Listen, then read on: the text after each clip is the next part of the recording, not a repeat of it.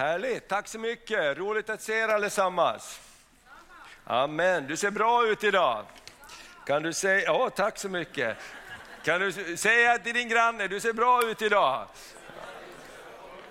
Amen, det här blir en bra dag.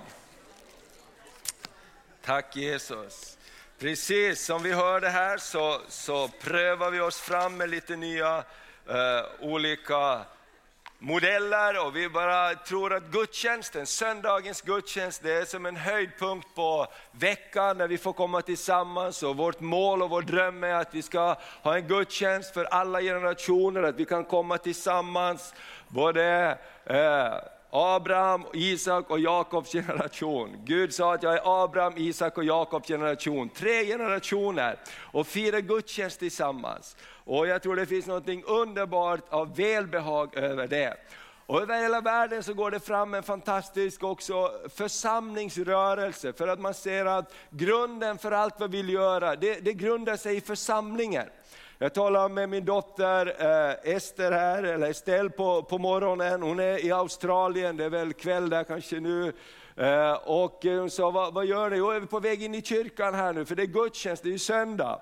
Och jag tänker det är så härligt att man får bygga kring gudstjänsten. Och, och, och eh, församlingen är någonting som är större än oss själva.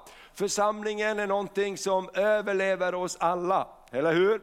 Därför att eh, det är någonting som Gud gör, det är någonting som Gud älskar. Amen. Gud älskar församlingen och vi ska prata lite om församlingen här den här morgonen. Och vi hade tänkt läsa ett bibelord också men vi får återkomma till det senare. Här.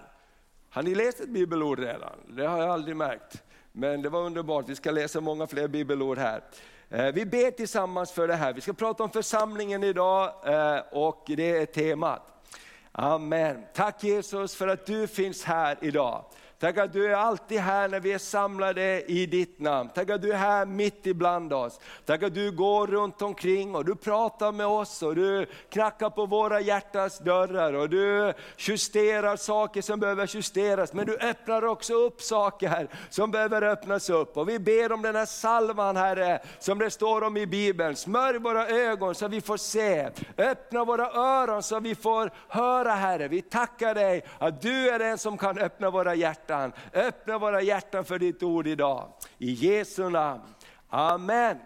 Amen. Precis, och jag tänkte vi kan läsa, börja att eh, slå upp eh, våra biblar och vi kan läsa ifrån Efesierbrevet. Och eh, eh, vi ska läsa några olika bibelställen från Efesierbrevet idag och prata om församlingen. Och eh, vi kan läsa det här bibelordet som lästes redan en gång för de som hörde det eh, och, och ta fart därifrån. Efesierbrevet, det, det första kapitlet. Och eh, för här börjar eh, Efesierbrevet är på ett speciellt sätt brevet till församlingarna. Man kallar det församlingsbrevet. Paulus han var ju en eh, man som hatade församlingen, står det. Han, han hatade de kristna och han åkte runt för att ta fast de kristna och döda de kristna. Och på sin väg till Damaskus så står det att en Herrens ängel kom och slog han faktiskt av hästen. Och, och ett starkt ljussken kom över Paulus, och, som hette Saulus då. Och Saulus sa, vem är du? Vem är du som gör så här emot mig? Och han sa, jag är Jesus, den som du förföljer. Och vi vet att historien att Paulus säger, jag har inte träffat Jesus själv, han hade inte mött Jesus personligen, men han förföljde församlingen, han förföljde de troende, män, kvinnor och barn. Och det står att han tog dem och slängde dem i fängelse. Och han var med till och med när de dödade Stefanus. Det står att man la ner sina mantlar framför en man som hette Saulus. Han, han andades mordlust och hat emot de kristna. Men när Jesus kommer till honom så säger han så här, det är mig du förföljer. Det är inte Stina och Pelle eller Efraim och Josef och eh, något annat judiskt kvinnonamn som man kan hitta på, Maria till exempel.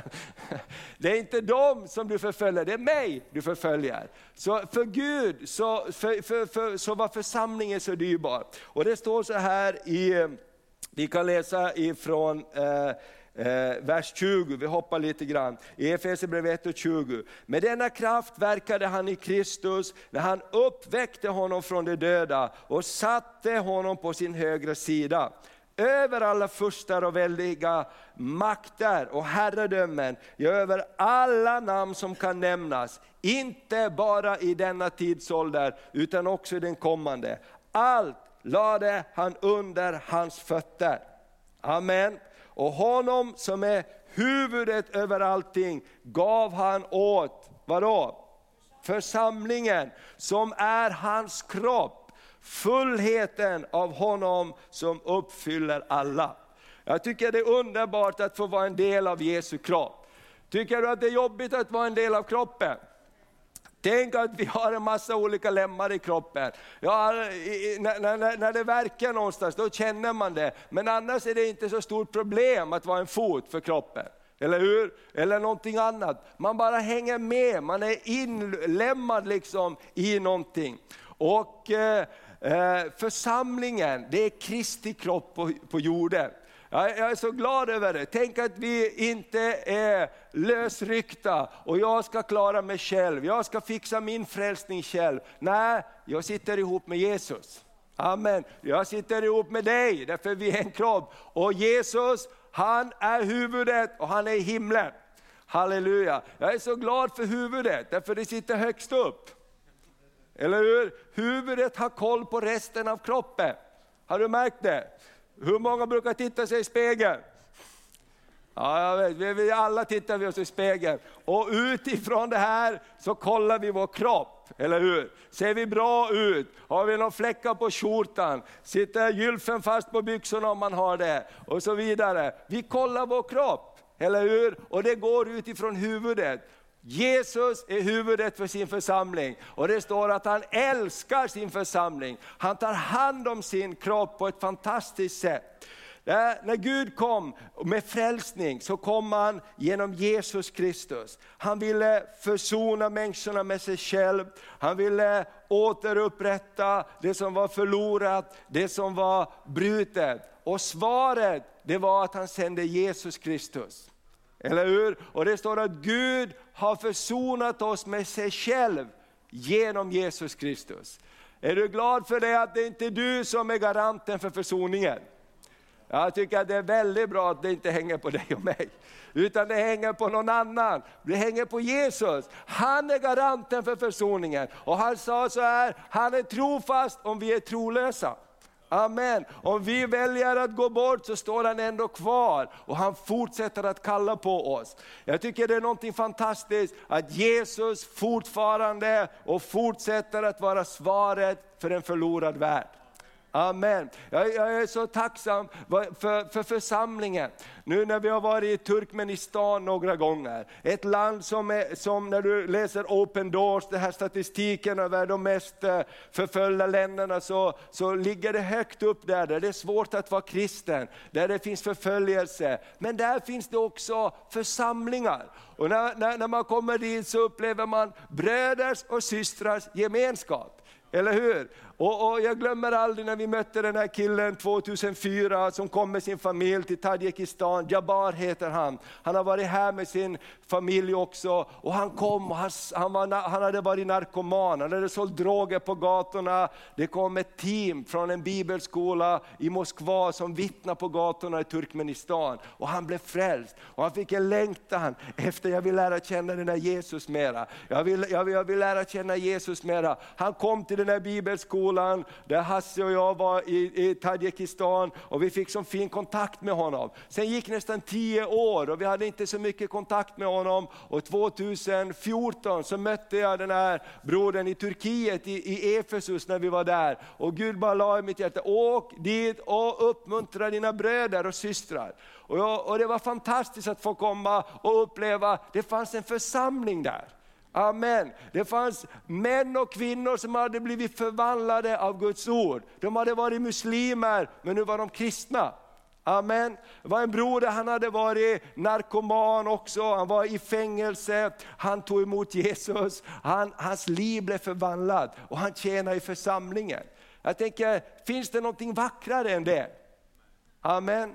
Finns det någonting vackrare än det? Jag tänker när vi var på Awakening och eh, lyssnade på de här fantastiska bröderna och den här Todd White eh, ifrån eh, USA, eller nej, men det var ja, han också, och de andra bröderna, de, de, hade, varit, de hade varit svårt drogade, de hade varit, deras liv var helt förstörda. Men det var någon som tog sig hand om dem när de blev frälsta. Kommer du ihåg när han berättade hur han kom ut ur fängelse och, och, och pastorn var där och väntade på honom? Eller hur? När han skulle ta sitt liv så står det innan han gjorde det så berättade han, så bara slog jag upp telefonkatalogen och jag gick igenom församlingarna och den kyrka som svarade, med honom pratade jag. Tack gode Gud att det fanns någon som svarade i telefon i en kyrka. Eller hur? I en församling. Och han blev honom till hjälp av upprättelse. Låt oss aldrig glömma och drömmen med församlingen.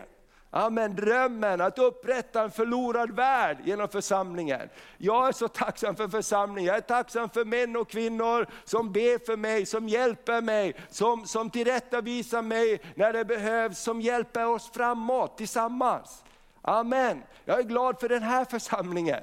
I fredags så hade vi en härlig, härlig lovsångskväll med ungdomarna. Och efteråt så pratade jag med några av ungdomarna, vi satt här framme på scenen och, och de tittade och sa så här, ja, jag undrar hur det var här förut. För de var kanske så här kring 15 år, 14-15 år. Och jag sa att förut var det ingenting här.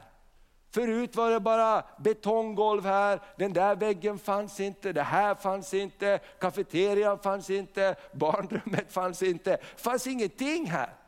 Det var bara tomt här. Men församlingen som älskar Jesus och vill se Guds härlighet har varit med om ett mirakel. Amen. Sätt den här platsen förvandlas till en plats där människor kan komma och tillbe Gud. Amen. Och de sa det skulle vara häftigt att se någon gång, typ sådär som när man är på IKEA och så läser man det här börjar på IKEA när de paketerar någon, något bord och sänder iväg där i, i, i Älmhult någonstans. Och hur det har gått. Vet du ibland när man kommer på företag, då står det sådär, när du äter på Max, då brukar det vara första Max-restaurangen. Var startade den? Gällivare, helt riktigt. Och det var en kvinna där som var eh, som en mamma på Max. Och hon har något speciellt pris som man kan få när man jobbar på Max också. Och det var väldigt enkelt, men det är kul att läsa hur det går till. Och kanske vi behöver göra det också, att vi inte glömmer bort undrarna Gud gör mitt i sin församling. Amen.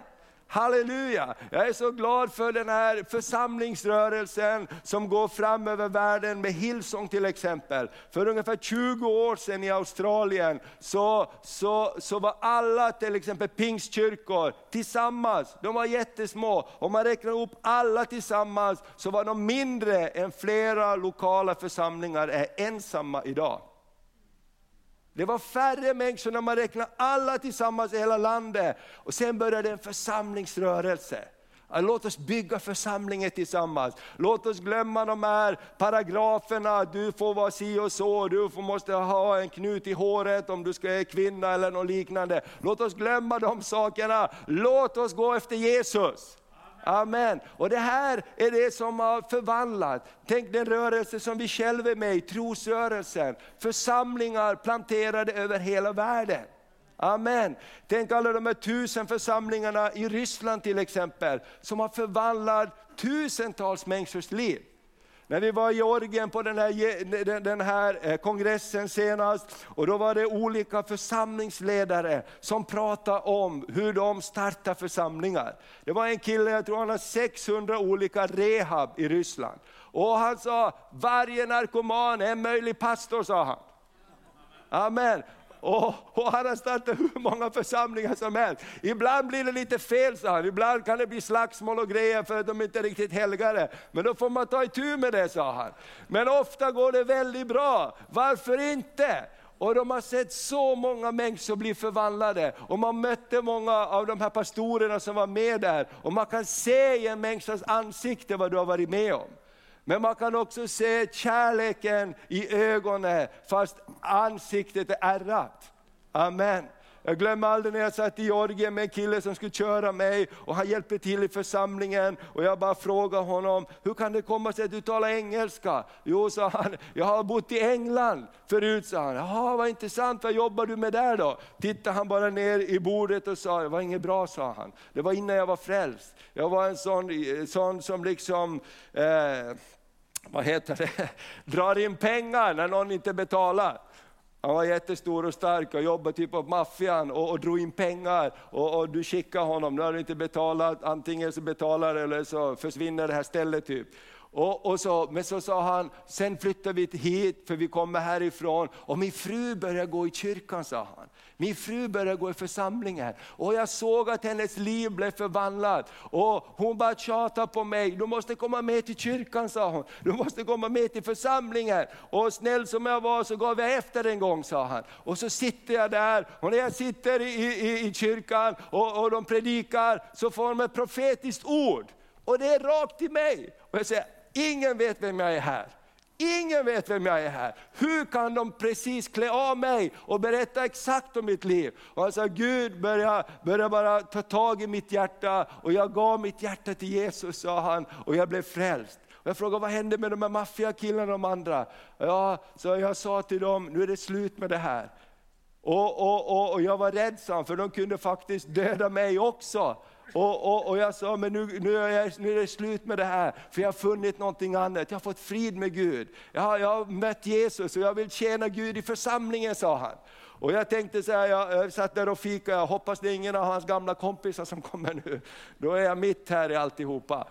Eh, men jag tänker så här, tänk vad församlingen kan förvandla en, en, en människas liv. Och låt oss aldrig glömma den drömmen, när, när, vi, när vi tänker hur kan vi göra söndagsgudstjänsterna bättre, hur kan vi hjälpa varandra? Och ibland så har vi lätt att snöa in i olika saker. Eller hur? Vi vill göra som vi alltid har gjort. Och du vet förändring det är bra, bara det handlar om någon annan och inte mig. Eller hur? Det är alltid lättare att för, försöka förändra någon annan. Det vet alla som har gift sig. Den första tiden så försöker man ändra den andra, efter ett tag så ger, ger man upp och tänker det är kanske jag som behöver förändra mig. Varför är det så tyst i kyrkan här? Är det någon som känner igen sig? Amen, halleluja, Gud ser ditt tysta hjärtats bön. Amen. Okej, vi läser ett bibelord till i Efesierbrevet 3. Paulus, han, det här, det här Efesierbrevet, Paulus han, han hade ju ganska speciellt liv. Han, han, han eh, var ganska mycket i fängelse. Och, och, och, ibland så blir våra liv inte alltid som vi har tänkt det, men när vi går med Gud så blir det alltid bra. Eller hur? Tänk att Gud använde den här tiden när Paulus satt i fängelse och han skrev de här breven till församlingarna. Många av breven kallas fängelsebreven och det här brevet det kallas församlingsbrevet. Han skriver till församlingen i Efesus, för han har besökt dem och det gick så inte så bra. Han hamnade i fängelse där också. Men han hade tid att skriva till de här. Och, och här så skriver han så här i kapitel 3 från vers 8 till 10. Jag, den allra minste av alla de heliga, har fått denna nåd att predika evangeliet om Kristi ofattbara rikedom för hedningarna och att upplysa alla om planen med den hemlighet som från världens evighet har varit dold i Gud, allting skapare. Nu skulle Guds vishet och väldiga mångfald göras känd genom församlingen, för härskarna och makterna i den himmelska världen. Vet du vad? Församlingen var Guds hemliga frälsningsplan. Amen. I missionsbefallningen så står det så här, gå ut, ska vi säga det tillsammans som vi kan, gå ut i hela världen och gör alla folk till lärjungar. Sen döpande dem i Faderns, Sonens och den helige Andes namn, lärande dem att hålla allt vad jag har befallt er. Ser ni att det går inte bara att vinna världen om man inte tar hand om den också. Så i missionsbefallningen handlar det om att vinna världen, vinna människor, men också ta hand om dem. Eller hur? Bara för att döpa människor kräver ju en viss organisation. Eller hur? Det kommer en massa frågor när man ska bli döpt. Hur ska man bli döpt? Var ska man bli döpt? Vem ska döpa mig? Varför ska jag bli döpt? Eller hur? Och då, och då finns det någonting underbart där en hemlighet. Jesus, när han gick till himlen så sa han, jag måste gå för att helig ande ska komma. Och när den helige ande kommer, då kommer han att komma över er allesammans. Och ni ska få kraft att bli mina vittnen. Halleluja, Jerusalem, Judeen och Samarien, ända till jordens yttersta gräns. Halleluja, och vad händer idag mina vänner på jorden? Evangeliet blir predikat överallt. Amen. Och jag tänker så här, hemligheten, om det är Guds hemlighet, vad vill fienden då stoppa? Fienden vill givetvis stoppa det som är Guds hemlighet, att nå den här världen. Och därför tror jag så här att vi behöver alltid slå vakt om att älska församlingen. Om att jobba på att älska församlingen, att våra hjärtan är vidgade för att älska församlingen. Amen. Församlingen är ingen perfekt plats. Hur många har märkt det? Amen. Och längtar du efter en perfekt församling så, så får du söka hela ditt liv. Och du kommer aldrig att finna en perfekt församling så länge det finns människor i den. Man kan gå på Youtube och vara med i Youtube-församlingen, det är perfekt. va? Det är bara att stänga av när man inte tycker om. Eller hur? Men det är ingen riktig församling. Därför församlingen, där är Jesus i centrum, eller hur? Och Jesus, han är den helige mitt ibland oss. Vi behöver alla böja oss för Jesus.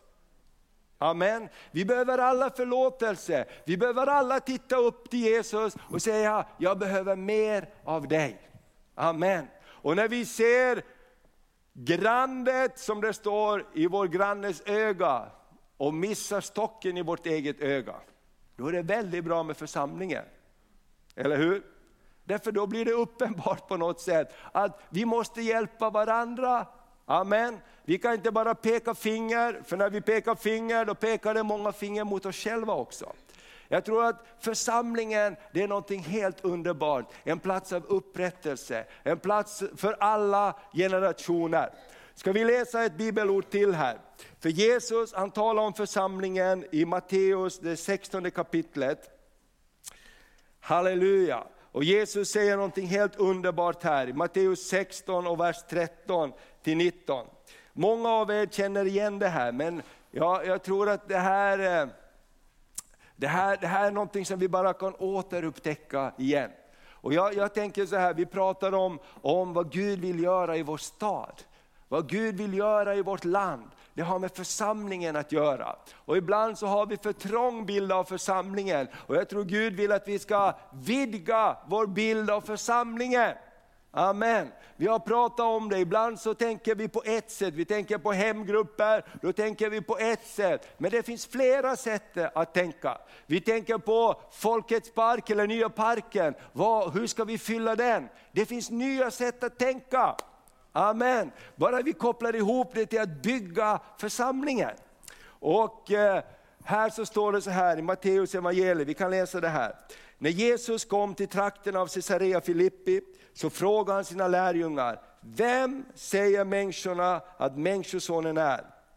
De svarade, vissa säger Johannes döparen, andra Elia och andra Jeremia eller någon av profeterna. Han sa till dem, och ni då, vem säger ni att jag är? Simon Petrus svarade, du är Messias, den levande Gudens son. Jesus sa till honom, salig är du Simon, Jonas son, för det är inte kött och blod som har uppenbarat det för dig, utan min far i himlen. Och jag säger dig, du är Petrus, och på denna klippa ska jag bygga min församling. Och vad säger sen? Och helvetets portar ska inte få makt över den. Jag ska ge dig himmelrikets nycklar. Allt vad du binder på jorden ska vara bundet i himlen. Allt vad du löser på jorden ska vara löst i himlen. vilken auktoritet han ger till församlingen. Och Jesus säger, jag ska bygga min församling. Amen. Jag ska tvätta min församling. Vi ska läsa Efesierbrevet eh, lite också om hur Gud han tvättar sin församling som en brud som görs redo för ett bröllop. Jesus älskar församlingen. Amen. Och han säger, jag ska bygga min församling och helvetets portar ska inte kunna bli den övermäktig. Amen. Det finns en styrka i församlingen mina vänner. Halleluja. Och vet du vad? Församlingen är full av felbara människor. Ändå säger Jesus, jag ska bygga min församling. Och helvetets portar ska inte kunna bli den övermäktig. Vet du vad, om vi ser på församlingen som en plats där vi kommer tillsammans för att vi behöver Jesus. Jag kommer hit på söndag morgon därför jag vill prisa Jesus. Jag behöver mer av Jesus. Amen. Om vi alla hjälper varandra så att vi hittar mer av Jesus, då blir församlingen någonting levande. Eller hur? Halleluja! Ja, ja, ja, jag förstår att du vet någonting på ett område mer om Jesus än mig. Kan du hjälpa mig? Amen. Tänk om vi har det sinnelaget, det hjärtat. Det finns olika gåvor i församlingen. En del av gåvan att göra det, en del av gåvan att göra det. Tänk om vi ser helheten och säger, jag behöver inte göra allting, men jag är med i församlingen. Halleluja! Och Gud tar hand om sin församling. Och jag, jag, jag, blir så glad när jag bara förstår att det är faktiskt så att Gud har större intresse av församlingen än vad jag har. Amen. Han har större. Ska vi läsa Efesierbrevet här i femte kapitlet också som vi brukar läsa när vi har vigslar. Vi kan läsa eh, Efesierbrevet 5, Hoppar, du kan läsa Efesierbrevet 4 också, det är församlingsbrevet när det gäller eh, tjänstegåvorna och målet för, för att bygga upp församlingen genom de olika gåvorna, tjänstegåvorna i församlingen. Men i kapitel 5 så pratar han om äktenskapet och församlingen. Och, och eh, Vi kan läsa i kapitel 5 och från vers 29 till vers 32. Så ska vi läsa där. Eh, Eh, och jag, jag, jag, när jag förberett det här så bara känner jag, desto mer man läser om församlingen, desto dyrbarare är församlingen. Amen. Och jag vet att fienderna försöker ta bort den här kärleksbilden till församlingen. Och, och, och, och, Man tycker att den är lite trög, man tycker att den är lite gammalmodig, eller så tycker man att den är alldeles för hypad. Och jag tror att det finns någonting här, när vi har kärlek till församlingen, då har vi kärlek till varandra också. Amen. Då har vi överseende om allt inte är riktigt som det brukar vara. Därför vi älskar Jesus. Och vi är på väg åt samma håll och vi, vi behöver varandra.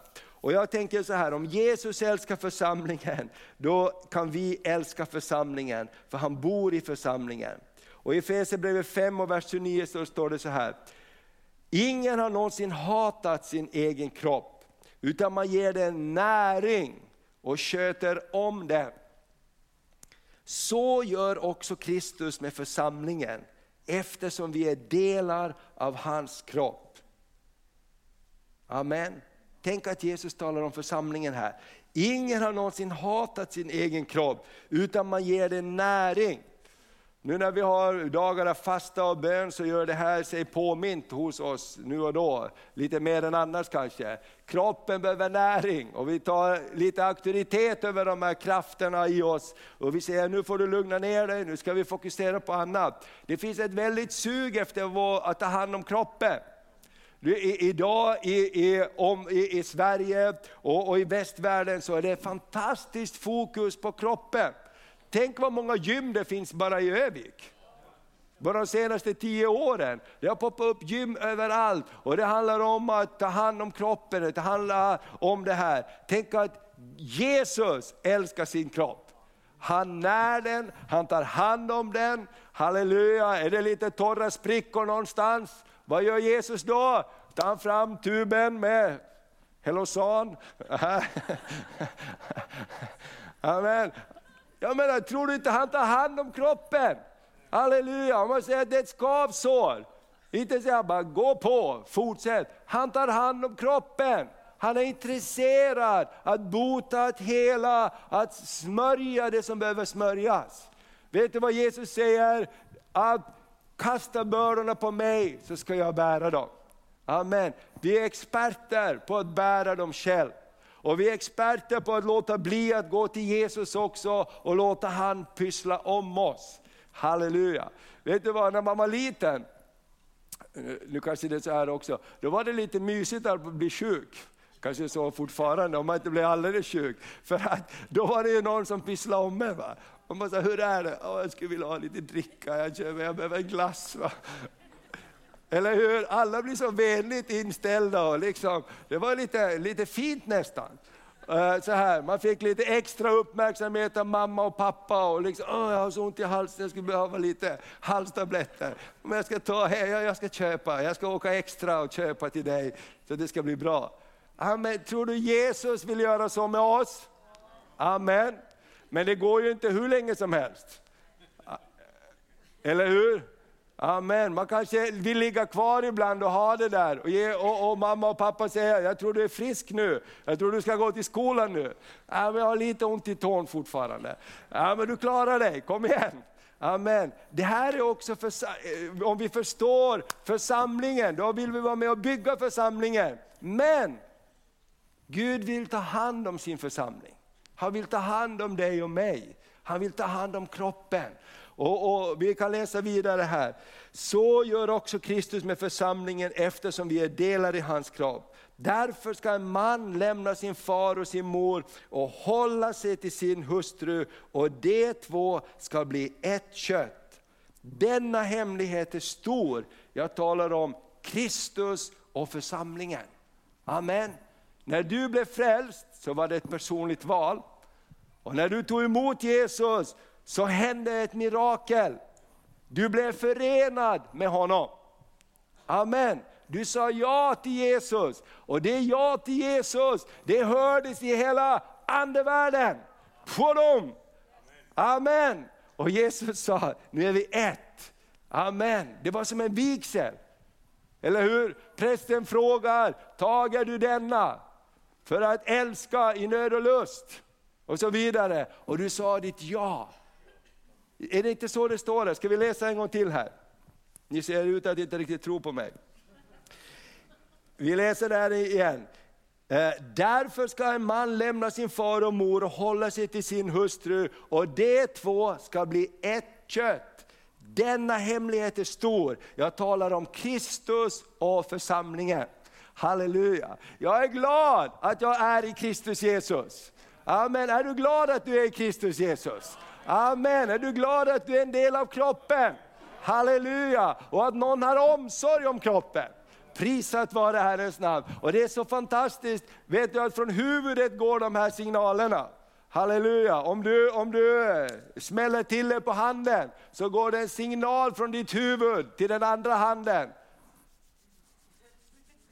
Eller hur? Eller om du bränner dig så går det en signal från huvudet. Tänk på Jesus nu. Säg blås lite. Eller hur? Amen. Vet du vad Jesus gör med församlingen? Exakt samma sak. Halleluja! Och därför behöver vi ha den här kärleken till Jesus. Jesus är huvudet för församlingen. Han tar hand om sin församling. Han älskar sin församling. Han älskar sin kropp. Han vårdar den. Han sänder dig det du behöver i rätt tid. Om du är öppen för det. Amen. Och problemet blir när vi själv ska bära församlingen. Eller hur? När vi själv ska ta Jesu plats och försöka fixa allting, det blir väldigt jobbigt. Amen. Det blir väldigt jobbigt och så kan det bli så tröttsamt, jag orkar inte ens vara kristen längre. Har vi missat någonting då? Om man knappt orkar vara kristen, då har man missat någonting med kopplingen till huvudet. Halleluja det står att han älskar församlingen. Ingen hatar sin egen kropp. Man när den och man tar hand om den. Amen. Så gör Kristus med församlingen. Och jag tror att Jesus han vill låta sin salva komma över sin församling. Ibland är det så att man, Paulus säger att man måste kuva sin kropp, man måste träna sin kropp, man måste se till att den är i bra form. Ibland ropar kroppen, jag vill inte. Men någonting säger i viljan, du bör. Amen. Eller hur?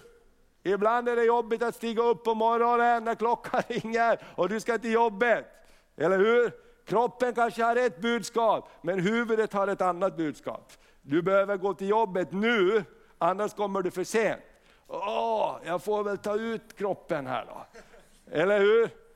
Det är olika för olika människor. En del är morgontrötta, andra är jättepigga på morgonen och slocknar på kvällen. När någon ska försöka ha gemenskap med dem och prata med dem. Amen. Och, och, och så vidare. Det var kanske ett budskap till mig här att sluta predika. Halleluja. Jättehärligt. Eh, Jesus älskar kroppen. Amen. Jesus älskar kroppen. Halleluja. Halleluja. Jesus älskar kroppen. Amen. Och vet du vad som rör en pappas och mammas hjärta allra mest? När barnen säger jag älskar dig. Tack för att du tar hand om mig. Det finns ingenting som smälter ett hjärta så mycket. Vet du varför Jesus älskar att vi ska prisa honom? Halleluja, det står att hela himlen är full av lovsång till honom. Han älskar att bli lovad, att bli prisad. Halleluja, vet du vad man är beredd att göra för någon som man känner att älskar en? Uppskattar en, man är beredd att göra någonting extra. Halleluja, amen. Jag är övertygad om att Paulus och Silas när de var längst ner i fängelse och, och, och, och de sa imorgon kanske vi dör, men låt oss dö med värdighet, låt oss dö med, med, med, med, med huvudet högt, låt oss prisa Jesus. Och det står att de började prisa Jesus så de andra fångarna hörde på dem. Och det står att Gud hörde det i himlen, för han lät hela fängelset skaka. Alla bojor löstes. Halleluja, amen. Jag tror det, man är beredd att göra lite extra. Jag tror Gud sa, de här grabbarna, de är alldeles våldsamma. De är alldeles våldsamma de här killarna. De kanske dör imorgon, de vet ingenting om det. Men de väljer att prisa mig, det gillar jag. Amen, och någon sa att Gud börjar stampa takt i himlen. Halleluja, och när Gud börjar stampa takt i himlen, då skakar grejer här på jorden. Halleluja! Ska vi börja låta Jesus vara glad? Halleluja! Så när vi prisar Gud, när vi lovar honom, låt oss bara vara fyllda av det här. Jesus jag älskar dig, jag behöver dig, jag vet att du kommer att bygga din församling. Och, och jag kan inte ta hand om alla människor, men jag vill vara med och bygga församlingen. För att i församlingen blir människor räddade. Halleluja! Någon har kommit till dig när du har behövt det. Det är inte alltid pastorn, det är sällan kanske pastorn. Han försöker göra sitt så gott han kan, men vi behöver alla varandra. Amen. Vi behöver någon som klappar oss på axeln ibland. Vi behöver någon som säger, jag har bett för dig. Amen. Som min mamma sa när jag växte upp och det var hemskt. Va? För hon sa, vad har du gjort Thomas? Jag har varit så orolig i min ande, jag har fått be för dig hela tiden, vad håller du på med? Det var inget kul att höra för man visste man var avslöjad. Eller hur? Amen. Men tänk om man får, får en bönebörda för någon och säger, jag vet jag har bara bett för dig den senaste veckan. Vet, är det någonting, var, var, varför ber jag så här? Vad är det? Är det någonting vi kan stå tillsammans med? Så ofta, så ofta. Jag säger, en av de, vissa av de starkaste eh, eh, beröringarna jag har varit med om är faktiskt inte i gudstjänster och möten, utan ibland i hemgrupper. Jag kommer ihåg när jag var, när jag var eh, eh, efter bibelskolan, jag var med i en hemgrupp i, i församlingen Livets Ord i Uppsala. Och det var ett äldre par där, vi satt och bad och så sa de, jag bara ser en bild. Och det var precis rakt in i min situation. Där Jesus vill lyfta av saker. Och jag visste exakt vad, jag glömmer det aldrig, jag visste exakt vad han talade om. Han visste ingenting, han jobbade med sina lyftkranar på byggen, sina saxliftar som kör upp och ner och, och grejer. Han visste ingenting om det, men han hörde anden. Halleluja. Tänk att Gud använder oss alla. Halleluja. Ska vi ställa oss upp på våra fötter? Halleluja. Eller våra händer om du kan, men stå gärna på fötterna. Halleluja, så bara ber vi tillsammans. Och, och, och, och eh, jag tror bara den här söndag förmiddagen, jag tror Jesus vill betjäna oss. Jag tror att Jesus han vill komma till oss. Jag, vill, jag tror att Jesus han vill låta salva komma på dina skavsår. Om du har skavsår i livet så tror jag bara Jesus, han övernaturligt kan komma med salva på skavsåren. Jag tror att Jesus, han bara vill uppenbara sin kärlek till dig, att han har omsorg om dig, att han älskar dig. Han tar hand om kroppen. Var inte så orolig, han tar hand om sin kropp. Jesus jag bara tackar dig just nu för att du finns här. Du finns här den här morgonen och Jesus, vi behöver dig. Vi behöver alla dig. Vi behöver dig mer och mer och mer och mer. Och jag bara ber Jesus att du bara låter den här uppenbarelsen och kärleken till församlingen bara växa till i oss. Så att med allt vad vi gör så, så tar vi hem till församlingen Herre. Vi bygger din, ditt rike Herre. Och jag bara tackar att människor ska bli räddade. I den här staden så ska vi se människor bli upprättade, familjer bli upprättade genom församlingen församlingen Herre. Åh, jag bara tackar dig för det. Åh, jag bara ber Herre, jag bara ber om nya bilder också. Om våra, våra glasögon har blivit suddiga av omständigheternas bilder när det gäller församlingen. Om erfarenheten säger en sak, så låt Herre äktenskapet bli nytt Herre kommer förnyelse in i äktenskapet mellan dig och församlingen, mellan dig och oss Herre. Jag ber om det i Jesu Kristi namn. Om det är någon här som inte har tagit emot Jesus, om du inte har Jesus i ditt hjärta och du känner bara, jag vill bara, jag vill bara eller komma tillbaks till Jesus, jag vill bara behöver få en ny kärleksrelation med Jesus. Där du, där du står bara i respekt för, för Gud så kan vi blunda. Och du som bara känner, jag, jag, vill bara, jag behöver bara en ny kärleksrelation med Jesus. Jag behöver bara få, få möta Jesus. Så bara lyft upp din hand där du står. Amen, lyft bara amen. Gud välsigne dig. Jag tror det är många som bara har den känslan just nu. Halleluja, bara tackar dig Jesus, att du bara drar oss närmare dig. Jesus, du är inte ute för att lägga sten på börda, du är ute för att hela och upprätta Herre. Och nu bara tackar vi dig för att du drar oss till dig, helt övernaturligt. I Jesu namn. Amen. Och efter det att vi har gett vårt offer och, och, vi går in i den här bönestunden också, så stanna gärna kvar om du vill, så ska vi be tillsammans och ta tid att lova Jesus. Om du känner att vi behöver en ny bara smörjelse också, prisa Jesus, så stanna kvar i lovsången och låt den heliga Ande bara betjäna dig och du kan ta nya tag på det här området. I Jesu namn. Amen, amen. Varsågod. Amen.